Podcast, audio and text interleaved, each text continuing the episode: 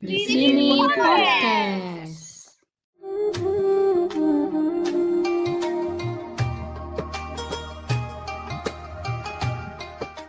Assalamualaikum warahmatullahi wabarakatuh. Apa kabar pendengar setia di sini podcast? Tidak terasa kita sudah memasuki hari ke-11 bulan suci Ramadan. Semoga segala amal dan ibadah kita diterima oleh Allah Subhanahu wa taala dan semoga kita diberikan kelancaran dalam menjalankan ibadah puasa ini sampai dengan akhir Ramadan nanti sampai 30 Ramadan. Amin. Oke, kembali lagi dengan saya Tebu di sini. Kali ini kita akan mengisahkan Nabi ke-11 dari 25 Nabi dan Rasul yang wajib kita imani yakni Nabi yang terkenal paling ganteng weh, dengan parasnya yang bagus eh bukan bagus dengan parasnya yang tampan tampan yang bisa membuat kaum hawa terbuai akan ketampanannya. Woi, mantap. Oke, kali ini kita akan membahas tentang kisah Nabi Yusuf. Jadi kisah Nabi Yusuf ini bisa kita temui dalam Al-Qur'an dalam surah Yusuf sendiri yaitu surah ke-12 dalam Al-Qur'an. Di situ Allah Subhanahu wa taala mengkisahkan uh, dari masa kecil Nabi Yusuf sampai dengan masa dewasa. Sampai dengan hari tuanya. Sorry sorry. Maaf maaf maaf. Sampai dengan hari tuanya. Oke langsung saja kita mulai jadi Nabi Yusuf ini sendiri adalah anak dari Nabi Yakub. Nabi ke-10 yang wajib kita imani mempunyai dua istri. Istri pertama bernama Lia dan istri keduanya bernama Rahil. Dan Nabi Yusuf sendiri lahir dari istri Nabi Yakub yang bernama Rahil ini dan beliau mempunyai saudara kandung, saudara kandung ya. Itu yang bernama Benyamin. Jadi Nabi Yusuf ini dari kecil mempunyai sifat yang baik, kemudian ceria, kemudian tutur katanya juga sopan, jadi sopan santun, sehingga Nabi Yakub ini uh, lebih menyayangi, lebih menyayangi beliau dan saudaranya Benyamin daripada saudara-saudaranya yang lain. Jadi Nabi Yusuf ini 12 bersaudara ya teman-teman. 12 bersaudara Nah, jadi yang 10 10 saudara lainnya itu dari istri Nabi Yusuf yang lain eh maaf maaf istri Nabi Yakub yang lain. Nah, jadi uh, karena Nabi Yakub ini lebih menyayangi Nabi Yusuf sehingga menimbulkan rasa iri di antara ke sepuluh saudaranya itu. Nah, saat masih kecil, Nabi Yusuf ini pernah bermimpi beliau bermimpi melihat sebelas bintang, matahari, dan bulan bersujud kepadanya. Nah, keesokan harinya, Nabi Yusuf ini menceritakan akan mimpinya tersebut kepada Nabi Yakub. Nabi Yakub ini uh, mengerti, mengerti bahwa mimpi Nabi Yusuf ini pertanda baik dari Allah Subhanahu wa taala bahwa kelak Nabi Yusuf ini akan menjadi nabi. Jadi akan meneruskan dakwah Nabi Yakub. Nah, kemudian Nabi Yakub ini memberikan pesan kepada Nabi Yusuf agar Nabi Yusuf tidak menceritakan perihal mimpinya tersebut kepada saudara-saudara saudara-saudaranya yang lain. Karena saudara-saudaranya nantinya akan membuat makar atau e, diibaratkan itu kayak apa ya hmm, makar itu menentang iri lah iri yang terlalu berlebihan sehingga menimbulkan rasa dengki. Waduh. Kepada Nabi Yusuf. Jadi e, Nabi Yakub ini memberikan pesan kepada Nabi Yusuf supaya tidak menceritakan mimpinya tersebut agar saudara-saudaranya tidak membenci Nabi Yusuf. Nah, setelah Nabi Yusuf menceritakan perihal mimpi tersebut kepada Nabi Yakub, setelah itu Nabi Yakub membimbing atau mengajarkan ilmu agama kepada Nabi Yusuf. Nah, melihat semakin dekatnya hubungan antara Nabi Yusuf dengan Nabi Yakub ini, maka menimbulkan rasa iri di saudara-saudaranya itu semakin besar gitu. Sehingga suatu hari saudara-saudaranya ini memikirkan suatu siasat bagaimana caranya untuk menyingkirkan Nabi Yusuf. Nah, jadi saudara-saudara ini ngumpul, ngobrol lah ya kan, ngobrol. Hmm, gimana ya caranya kita uh, menyingkirkan si Yusuf ini? Kata kata saudaranya salah satu saudaranya. Kemudian ada yang memberikan saran bagaimana kalau kita membunuhnya? Namun ada yang menentang kalau misalkan nanti membunuh membunuh Nabi Yusuf maka mereka akan dibenci juga oleh Nabi Yakub ya, oleh ayah mereka kemudian uh, ada salah seorang dari mereka memberikan memberikan saran bagaimana kalau kita meninggalkannya di suatu tempat yang jauh dari sini dan kita beralasan kalau misalkan Nabi eh kalau misalkan si Yusuf ini dimakan oleh serigala. Nah, akhirnya usulan itu diterima oleh saudara-saudara mereka yang lain. Nah, suatu hari, suatu hari uh, mereka akhirnya menemui ayah mereka Nabi Yakub ini. Mereka menceritakan tentang tujuan mereka bahwa mereka ingin mengajak Nabi Yusuf bermain. Nah, awalnya Nabi Yakub ini tidak mengizinkan, tidak mengizinkan mereka membawa Nabi Yusuf karena Nabi Yakub ini kurang mempercayai uh, saudara-saudara Nabi Yusuf yang lain ini yang 10 orang ini. Namun setelah mereka membujuk setelah 10 saudara Nabi Yusuf ini membujuk Nabi Yakub supaya mengizinkan Nabi Yusuf ini ikut bermain dalam mereka dengan mereka ikut bermain dengan mereka maaf nah akhirnya Nabi Yakub memberikan izin berikan izin dengan syarat mereka harus benar-benar menjaga Nabi Yusuf. Nah, akhirnya mereka menyanggupi nah, dan pergilah mereka. Nah, setelah mereka mencapai suatu tempat yang mereka rencanakan, di situ mereka melihat sebuah sumur. Sampai akhirnya mereka memasukkan Nabi Yusuf ke dalam sumur itu. Nah, Nabi Yusuf di sini seperti bingung gitu. Kenapa uh, saudara-saudara kenapa kalian ya dia dia seolah-olah berkata bukan seolah-olah ya kurang lebih ya maaf saya kurang mengetahui percakapannya seperti apa ya.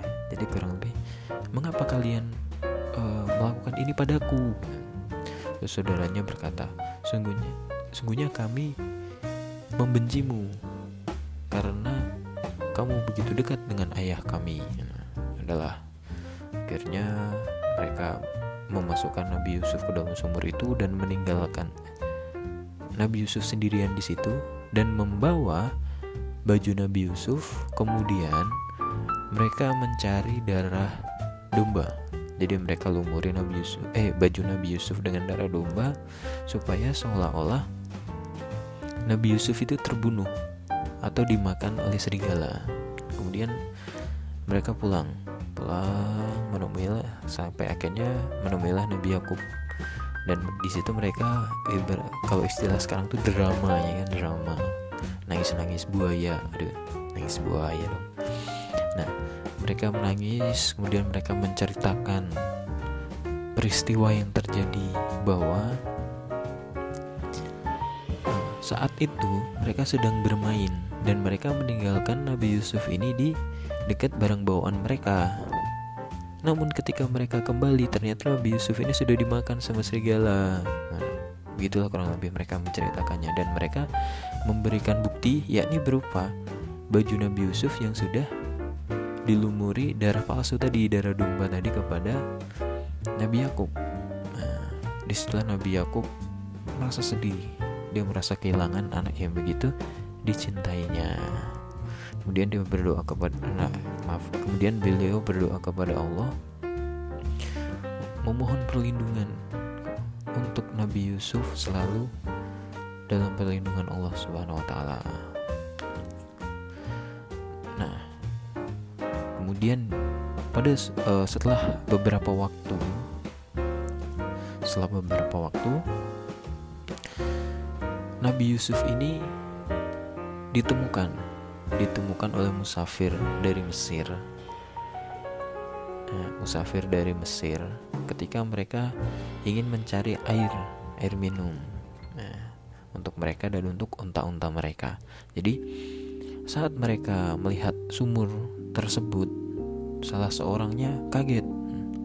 Kenapa ada anak kecil di sini ya, di dalam sumur ini? Akhirnya mereka mengeluarkanlah Nabi Yusuf ini. Mereka tertarik membawa Nabi Yusuf ini karena melihat para Nabi Yusuf ini yang yang tampan gitu. Good looking lah good looking sih dan mereka berniat untuk menjual Nabi Yusuf ini di Mesir. Karena dulu wajar uh, anak seumuran Nabi Yusuf ya kisaran seumuran mungkin anak-anak eh, 8-10 tahun mungkin ya Allah alam. Saya kurang tahu tapi intinya Nabi Yusuf ini masih kecil. Jadi mereka tertarik untuk menjual Nabi Yusuf ini untuk eh, dijadikan budak di Mesir. Karena dulu eh, perbudakan itu masih lazim gitu di Mesir. Nah akhirnya mereka bawa Nabi Yusuf ini ke Mesir. Sampai di Mesir mereka menawarkan menawarkan kepada orang-orang siapa yang berminat kepada Nabi Yusuf ini. Sampai akhirnya mereka menawarkan kepada salah satu bangsawan Mesir. Nah, bangsawan kalau zaman dulu bangsawan Mesir itu dijulukinya Al Aziz, Al Aziz panggilannya ya. Nah, si Al Aziz ini uh, tertarik tertarik dengan Nabi Yusuf setelah melihat setelah melihat Nabi Yusuf Al Aziz ini tertarik dengan beliau. Kemudian akhirnya Nabi Yusuf ini dibeli oleh Al Aziz ini. Jadi Al Aziz ini tuh pada saat itu menjabat Menteri Keuangannya Raja Mesir. Wah, jadi bangsawan ya, Menteri Keuangan. Waduh. Nah akhirnya Nabi Yusuf ini dibawalah pulang, dibawalah pulang ke kediamannya Al Aziz ini. Nah, di sampai sampai sesampainya di kediamannya ini ditunjukkanlah Nabi Yusuf ini kepada istrinya Zulaiha namanya. Waduh. Nah, di sini Zulaiha juga tertarik kepada Nabi Yusuf karena itu tadi Nabi Yusuf itu tampan gitu. Apalagi bagi kaum Hawa itu rupa tampan itu kayak membuat terpesona, tersepona sih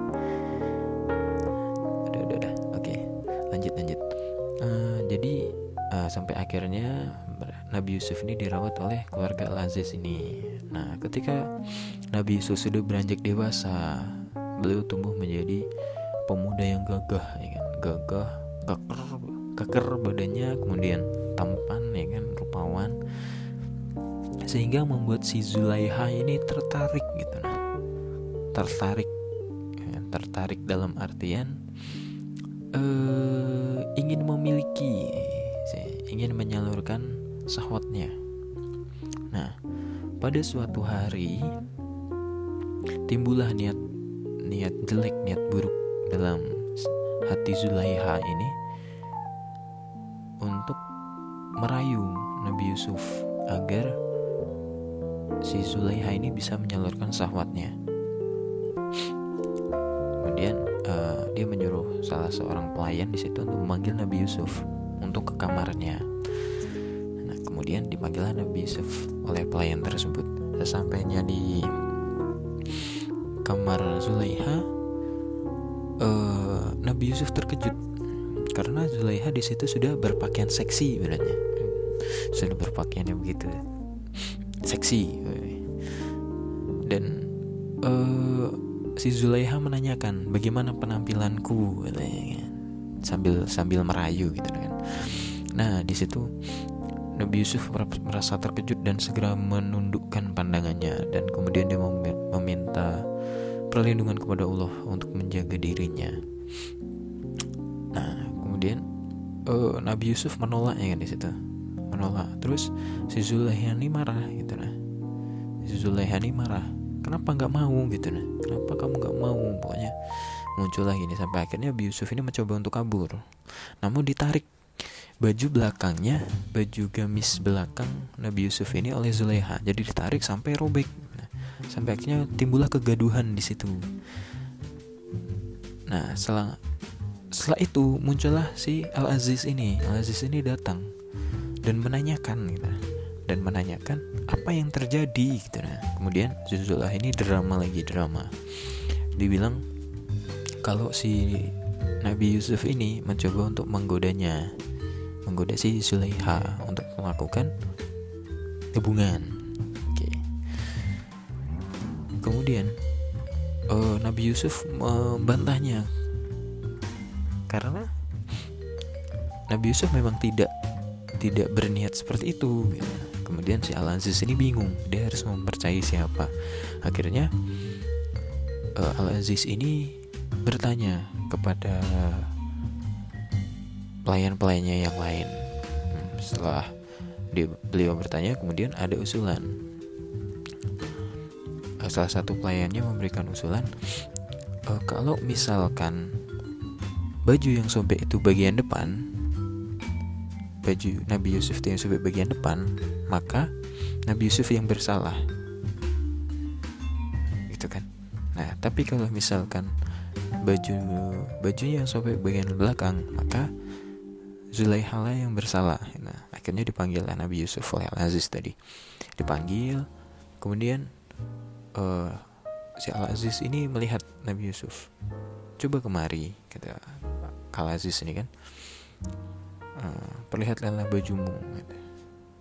Kemudian Nabi Yusuf memperlihatkan, ya kan, bajunya sobek dan ternyata sobeknya di bagian belakang.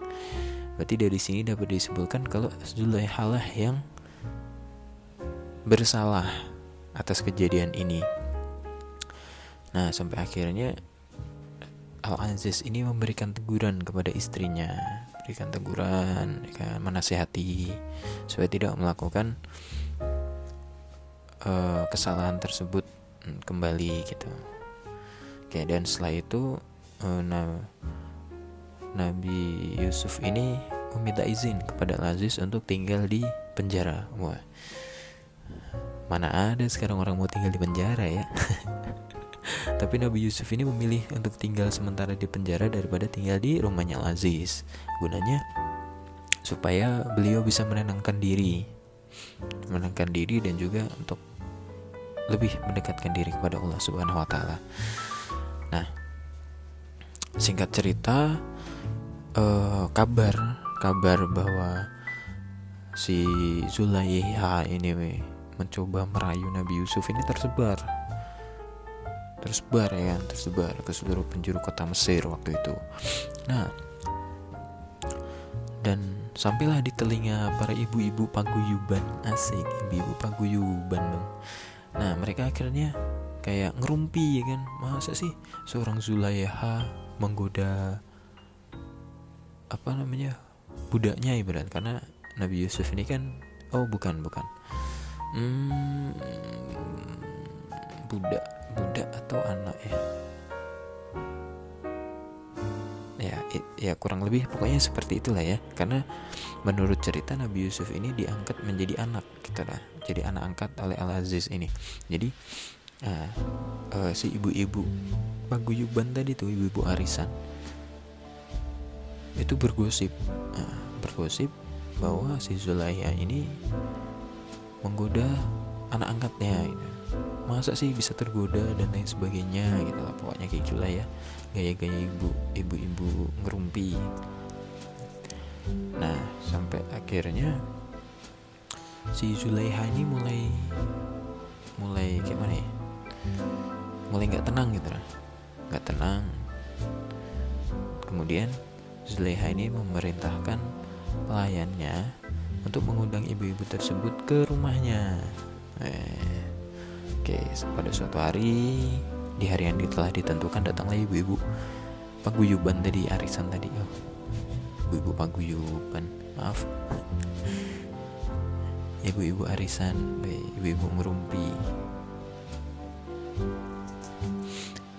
nah di situ uh, mereka ibu-ibu ini disuguhkan buah dengan buah segar kemudian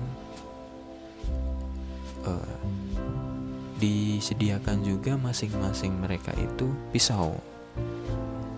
Jadi supaya mereka bisa mengupasnya sendiri. Nah pada uh, ketika asik mengobrol ya kan? Asik mengobrol sambil makan buah gitu kan? Si Zulaiha ini memanggil Nabi Yusuf. Manggil Nabi Yusuf ya, akhirnya datanglah Nabi Yusuf ya kan. Nah ketika sudah sampai di meja tersebut gitu maka ibu-ibu tersebut tersepona terpesona tersepona terpesona akan ketampanan Nabi Yusuf. Dan secara tidak sadar mereka telah melukai jari mereka sendiri. Jadi nggak sadar ya kan sampai sampai terkagum-kagumnya ya kan mereka nggak sadar kalau ternyata tangan mereka itu terluka oleh pisau-pisau mereka itu. Nah dan mereka menyadari ketika sudah darahnya sudah keluar gitu. Waduh saking saking mereka terkejutnya ter, terpesonanya. Nah melihat kejadian itu Nabi Yusuf segera pergi dari tempat itu. Pergi ke belakang ya ibaratnya ya. Nah dan situ ibu-ibu tuh mulai percaya gitu nah. Dan ibu-ibu tuh mulai percaya akan ketampanan Nabi Yusuf dan mereka juga akhirnya mewajarkan kalau Sulaiha tertarik akan Nabi Yusuf. Nah, nah oke. Okay. Kemudian singkat cerita, Nabi Yusuf ini meminta kepada Al Aziz untuk dimasukkannya dia di ke penjara gitu. Akhirnya dengan per, segala pertimbangan nah, Al Aziz ini akhirnya memasukkan Nabi Yusuf ke penjara. Nah, di penjara ini Nabi Yusuf bertemu dengan dua pelayan raja, dua pelayan raja Mesir. Yang satu merupakan uh, peraci anggur. Nah, ya yang satu merupakan peraci anggur yang satu lagi um, pembuat roti. Ya, mereka dituduh melakukan tindakan apa ya jadi mereka ini dituduh meracuni meracuni meracuni raja. Akhirnya mereka berdua dimasukkan ke penjara dalam penjara itu Nabi Yusuf ya ngobrol ya kan ngobrol kemudian berdakwah juga kepada mereka. Singkat cerita pada suatu malam mereka berdua ini bermimpi uh, yang satu si peraci anggur ini dia bermimpi kalau dia memeraskan anggur untuk raja. Gitu ya kan? Nah yang satunya lagi yang pembuat roti ini dia bermimpi dia membawa tampan. Tampan yang berisi roti kemudian menaruh di atas kepalanya kemudian di apa ya dimakanin oleh burung gitu. Nah rotinya itu dimakanin oleh burung gitu di atas kepalanya itu. Nah ketika mereka bangun mereka bingung kan? Mereka saling bingung ibaratnya. Mereka memikirkan memikirkan akan mimpi mereka tersebut. Nah, sampai akhirnya mereka mempercayakan kepada Nabi Yusuf untuk menafsirkan mimpi mereka akhirnya diterangkanlah satu persatu nah, dimulai dari yang peraci anggur ini bahwa nanti dia akan bebas dan kembali ke pekerjaannya semula yakni meracikan anggur untuk raja. Sedangkan yang satunya lagi yang pembuat roti tadi dia akan dieksekusi mati gitu. Dia akan dieksekusi mati dan sebagian kepalanya itu dipatukin jadi dimakanin sama burung. Nah kurang lebih seperti itu. Uh, sampai suatu hari akhirnya kejadian tersebut benar-benar terjadi. Nah, jadi yang pembuat roti ini memang sudah terbukti bersalah sampai akhirnya dia dieksekusi mati dan yang peracik anggur ini akhirnya kembali bekerja. Seperti semula. Nah, sebelum keluar, Nabi Yusuf ini berpesan kepada pemeras anggur ini untuk mengabarkan keadaannya kepada Raja Mesir. Oke, oke lah. Nah, sampai akhirnya kembali beraktivitas seperti biasa, Nabi Yusuf masih di dalam penjara dan si peracik anggur itu kembali melayani raja. Pada suatu hari, raja ini bermimpi. Bermimpi sesuatu yang aneh gitu kan. Menurut raja itu aneh yang membuat raja Mesir ini gelisah ini gelisah gunda gulana aduh galau lah. Galau intinya. Nah raja Mesir ini bermimpi uh, dia dia melihat tujuh sapi gemuk dimakan oleh tujuh sapi kurus. Kemudian ada tujuh bulir gandum yang segar dan tujuh bulir gandum yang kering. Hmm. jadi raja Mesir galau ya kan dia kepikiran ah, apa sih kira-kira uh, arti mimpiku? Raja Mesir. Akhirnya Raja Mesir ini memanggil lah para peramal ya kan ahli nujum ya kan. Orang pinter lah ya ibaratnya sebutannya orang pinter pada masa itu untuk menafsirkan mimpinya. Namun uh, tidak ada satu orang pun dari orang pintar tersebut orang-orang pintar tersebut yang berhasil menafsirkan mimpi sang raja ini. Sampai akhirnya si pembuat anggur tadi tuh mengetahui mengetahui tentang kegelisahan sang raja ini. Kemudian uh, dia menawarkan kepada raja Mesir untuk apa ya memberikan dia tugas gitu nah. karena uh, dia mempunyai seorang kenalan yang dapat menafsirkan mimpi dan tepat terbukti tepat gitu. Oke lah akhirnya raja ini mempercayai si uh, peracik anggur ini.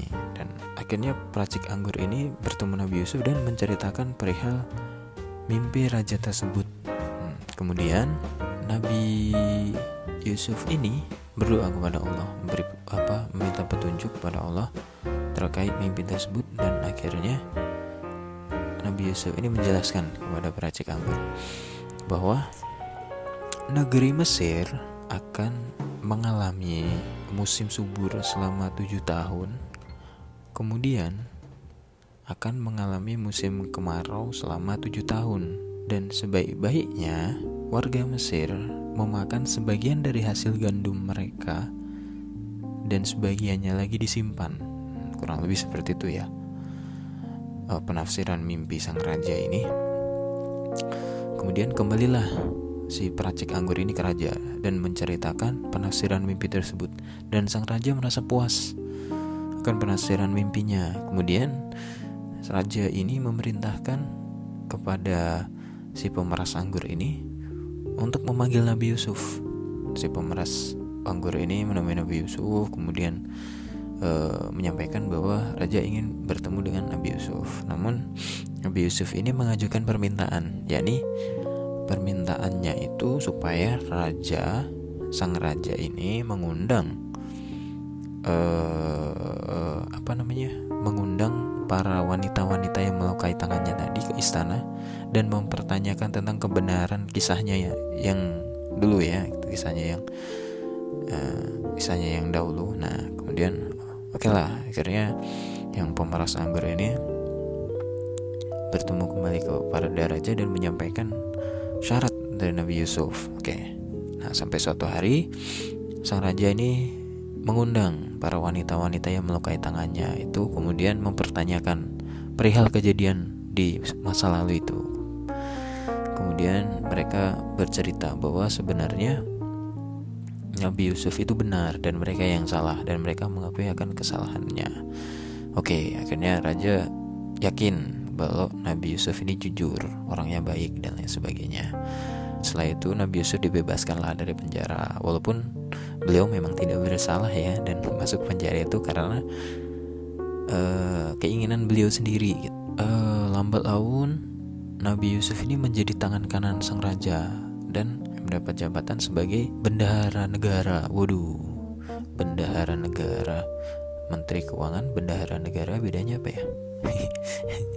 ya pokoknya jabatannya tinggi kan bendahara negara. Uh, di situ Nabi Yusuf bertugas untuk mengontrol uh, tujuh. Jadi selama tujuh tahun musim subur di tanah Mesir itu beliau mengumpulkan uh, persediaan ya untuk untuk menghadapi tujuh tahun musim kemarau-nya lagi gitu jadi di situ uh, Nabi Yusuf ini mengontrol gitu kan persediaan-persediaan itu ya, sampai akhirnya tibalah musim kemarau. Nah, dan di saat musim kemarau ini para penduduk nggak bisa bertani kan. Nah, otomatis mereka mengandalkan persediaan makanan yang telah mereka kumpulkan itu gitu ya kan. Sampai akhirnya pada suatu saat keluarga Nabi Yusuf ya kan, keluarga Nabi Yakub ya, keluarga Nabi Yakub ini kehabisan persediaan makanan. Jadi Nabi Yakub ini tinggal di Kanan. Kanan ini Palestina ya kalau sekarang tuh Palestina nah, jadi si para eh, si Nabi Yakub ini dan saudara-saudara Nabi Yusuf ini mengetahui kalau di Mesir itu ada persediaan makanan yang cukup banyak gitu ya. Nah akhirnya mereka dan mereka mengetahui juga mereka bisa menukarkan dengan barang apa pun untuk mendapatkan makanan tersebut. Nah sampai Akhirnya mereka meminta izin kepada Nabi Yakub untuk menukarkan barang-barang mereka untuk ditukar menjadi bahan makanan. Akhirnya Nabi Yakub berikan izin, ya kan? Dan berangkatlah saudara-saudara Nabi Yusuf ini kecuali Benyamin ya, karena Benyamin ini uh, di, rumah. Jadi Nabi Yusuf, eh maaf, Nabi Yakub tidak mengizinkan Benyamin ini untuk ikut kakak-kakaknya ya berarti. Dia di rumah aja ya. nah pergilah uh, ke sepuluh anak Nabi Yakub ini ke Mesir. Sampainya di Mesir ya kan? Jadi Nabi Yusuf ini memantau sendiri memantau sendiri pembagian.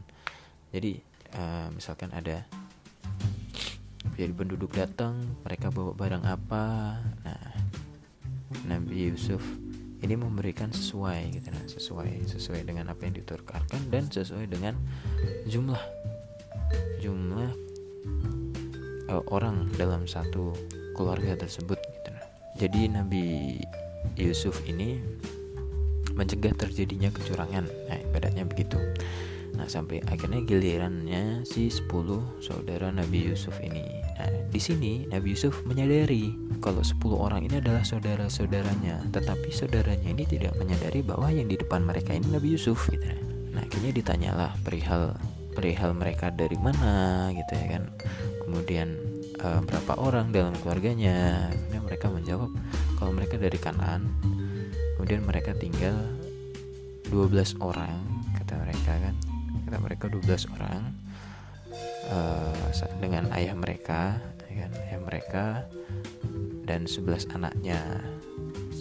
Sebenarnya 12 kata mereka tapi yang satunya hilang.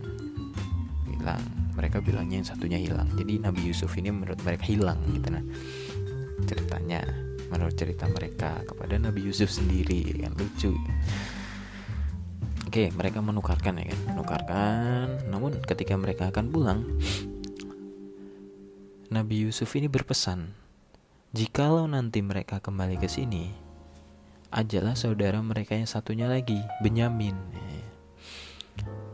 Andaikan mereka tidak membawa Benyamin, maka mereka ini tidak tidak dapat menukarkan uh, barang mereka dengan bahan makanan lagi, gitu. jadi nggak dapat nggak dapat bahan makanan lagi kalau Benyamin nggak dibawa gitu. Itu permintaan Nabi Yusuf.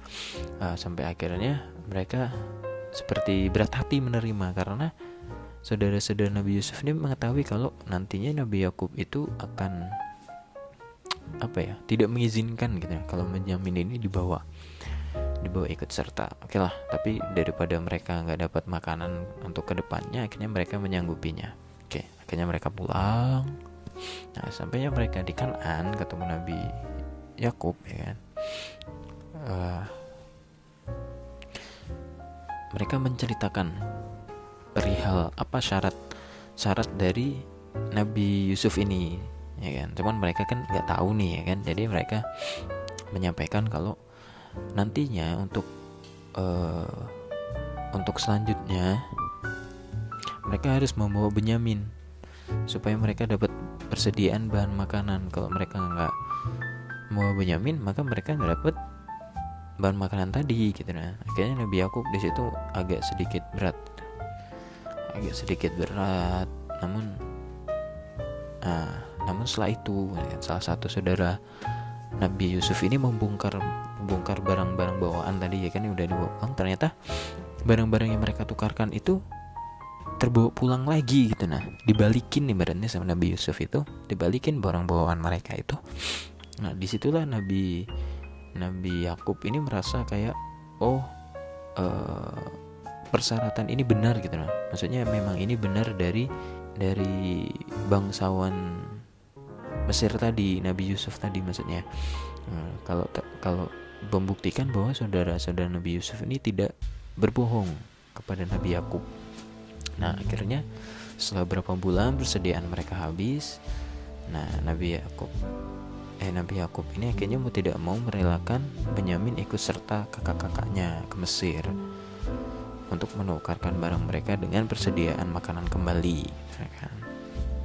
di setelah Nabi Nabi Yakub uh, berpesan supaya mereka menjaga Benyamin ini jangan sampai kejadian Nabi Yusuf di masa lalu itu terulang kembali gitu ya kan?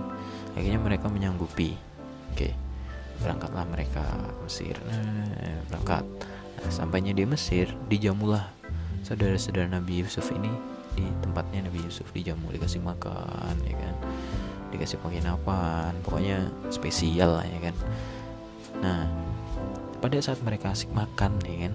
Nabi Yusuf ini nyolek nyolek si Benyamin. Sini. Bisa bicara nggak? Bisik-bisik ya kan? Bisa bicara nggak? Berdua aja lebih seperti itulah yang diucapkan Nabi Yusuf ya. Mereka Nabi Yusuf, Nabi Yusuf akhirnya ngajak Benyamin ke ruangan yang lain. Namun saudara-saudara yang lain itu saking asiknya ya kan saking gembiranya asiknya makan mereka nggak ngeh. Nggak tahu kalau Benyamin ini uh, dipanggil oleh Nabi Yusuf gitu. nah di ruangan yang lain inilah Nabi Yusuf menceritakan kalau beliau ini adalah Nabi Yusuf saudaranya Benyamin gitu ya kan. Di situlah Benyamin bahagia gitu kan. Dia uh, dia tidak menyangka kalau ternyata Nabi Yusuf ini masih hidup gitu, ya.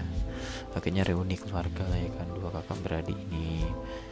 Oke sampai akhirnya selesai ya kan beberapa hari selesai waktunya mereka pulang. Nah waktu pulang ini Nabi Yusuf membuat siasat supaya Benyamin ini bisa tetap tinggal nah tapi di sini tentunya Benyamin sudah tahu ya dengan siasat ini. Jadi uh, di kantongnya Benyamin itu dimasukkan piala raja, piala sang raja ibaratnya ya kan. Ketika mau pulang ya kan, mau pamit ibaratnya mau pamit mau pulang, tiba-tiba pengawal, salah satu pengawal itu memberhentikan mereka dan bilang kalau mereka itu pencuri gitu kan tentunya saudara-saudara Nabi Yusuf yang lain nih ya selain Benyamin kayak apa ya e, menolak gitu nah bukan kok kami bukan pencuri gitu kami bukan pencuri gitu ya. tetap pengawal ini kekeh kalian itu pencuri gitu. Pokoknya gitulah ya kan sampai akhirnya kakak tertua ya kakak ter tertua dari Nabi Yusuf ini bilang kalau memang kami pencuri kalau di kantong siapa ketemu maka dialah yang harus bertanggung jawab gitu nah ibaratnya begitu. Ya udahlah akhirnya cekin satu-satu sama Nabi Yusuf ya dicek cek cek cek cek cek cek sampailah di kantongnya si Benyamin dan ditemukanlah si piala raja itu. Nah mau nggak mau karena tadi si, si kakak tertuanya bilang seperti itu akhirnya Benyamin tinggal gitu ya kan gak bisa pulang. Karena piala raja ini ditemukannya di kantongnya si Benyamin. Nah wah di situlah ya kan campur aduk ya kan. Perasaan saudara-saudaranya itu campur aduk. Gimana nih kita pulang? Ibaratnya begitu. Ayah sudah berpesan seperti itu. Pasti beliau kecewa pasti beliau sedih dan lain sebagainya. Pokoknya begitulah ya kan. Ketika piala raja itu tertemukan dibungkusnya si Benyamin ya kan Nabi Yusuf itu akhirnya mengungkapkan jati dirinya. Dia memberitahukan kepada saudara-saudaranya bahwa dia itu Nabi Yusuf gitu bahwa dia itu Yusuf saudaranya mereka gitu ya kan. Akhirnya saudara saudaranya itu kaget gitu ya kan. Kamu beneran Yusuf? gitu ya kan. Terus mereka meminta maaf lah gini sama Nabi Yusuf. Minta maaf dan mereka menyesali atas perbuatannya di masa lampau.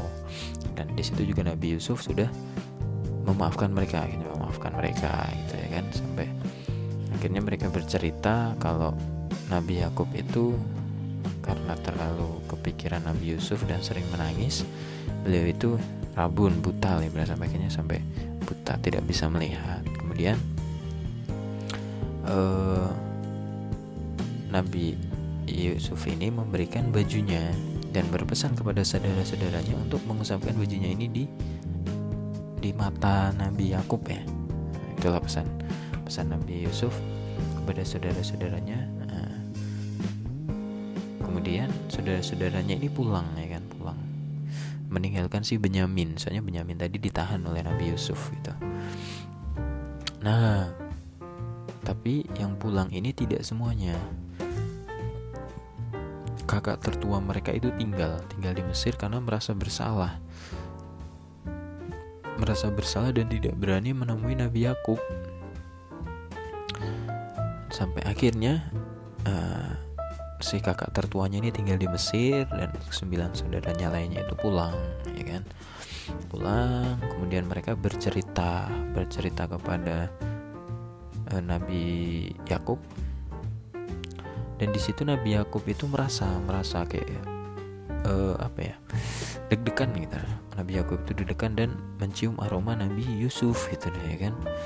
Terus kemudian saudara-saudaranya ini bercerita kalau ternyata Nabi Yusuf itulah si bangsawan Mesir itu gitu kan. Di situlah Nabi Yakub itu gembira sangat gembira dan lain sebagainya. Kemudian uh, dia mana saudara-saudara itu juga cerita kalau si Benyamin ini ditahan karena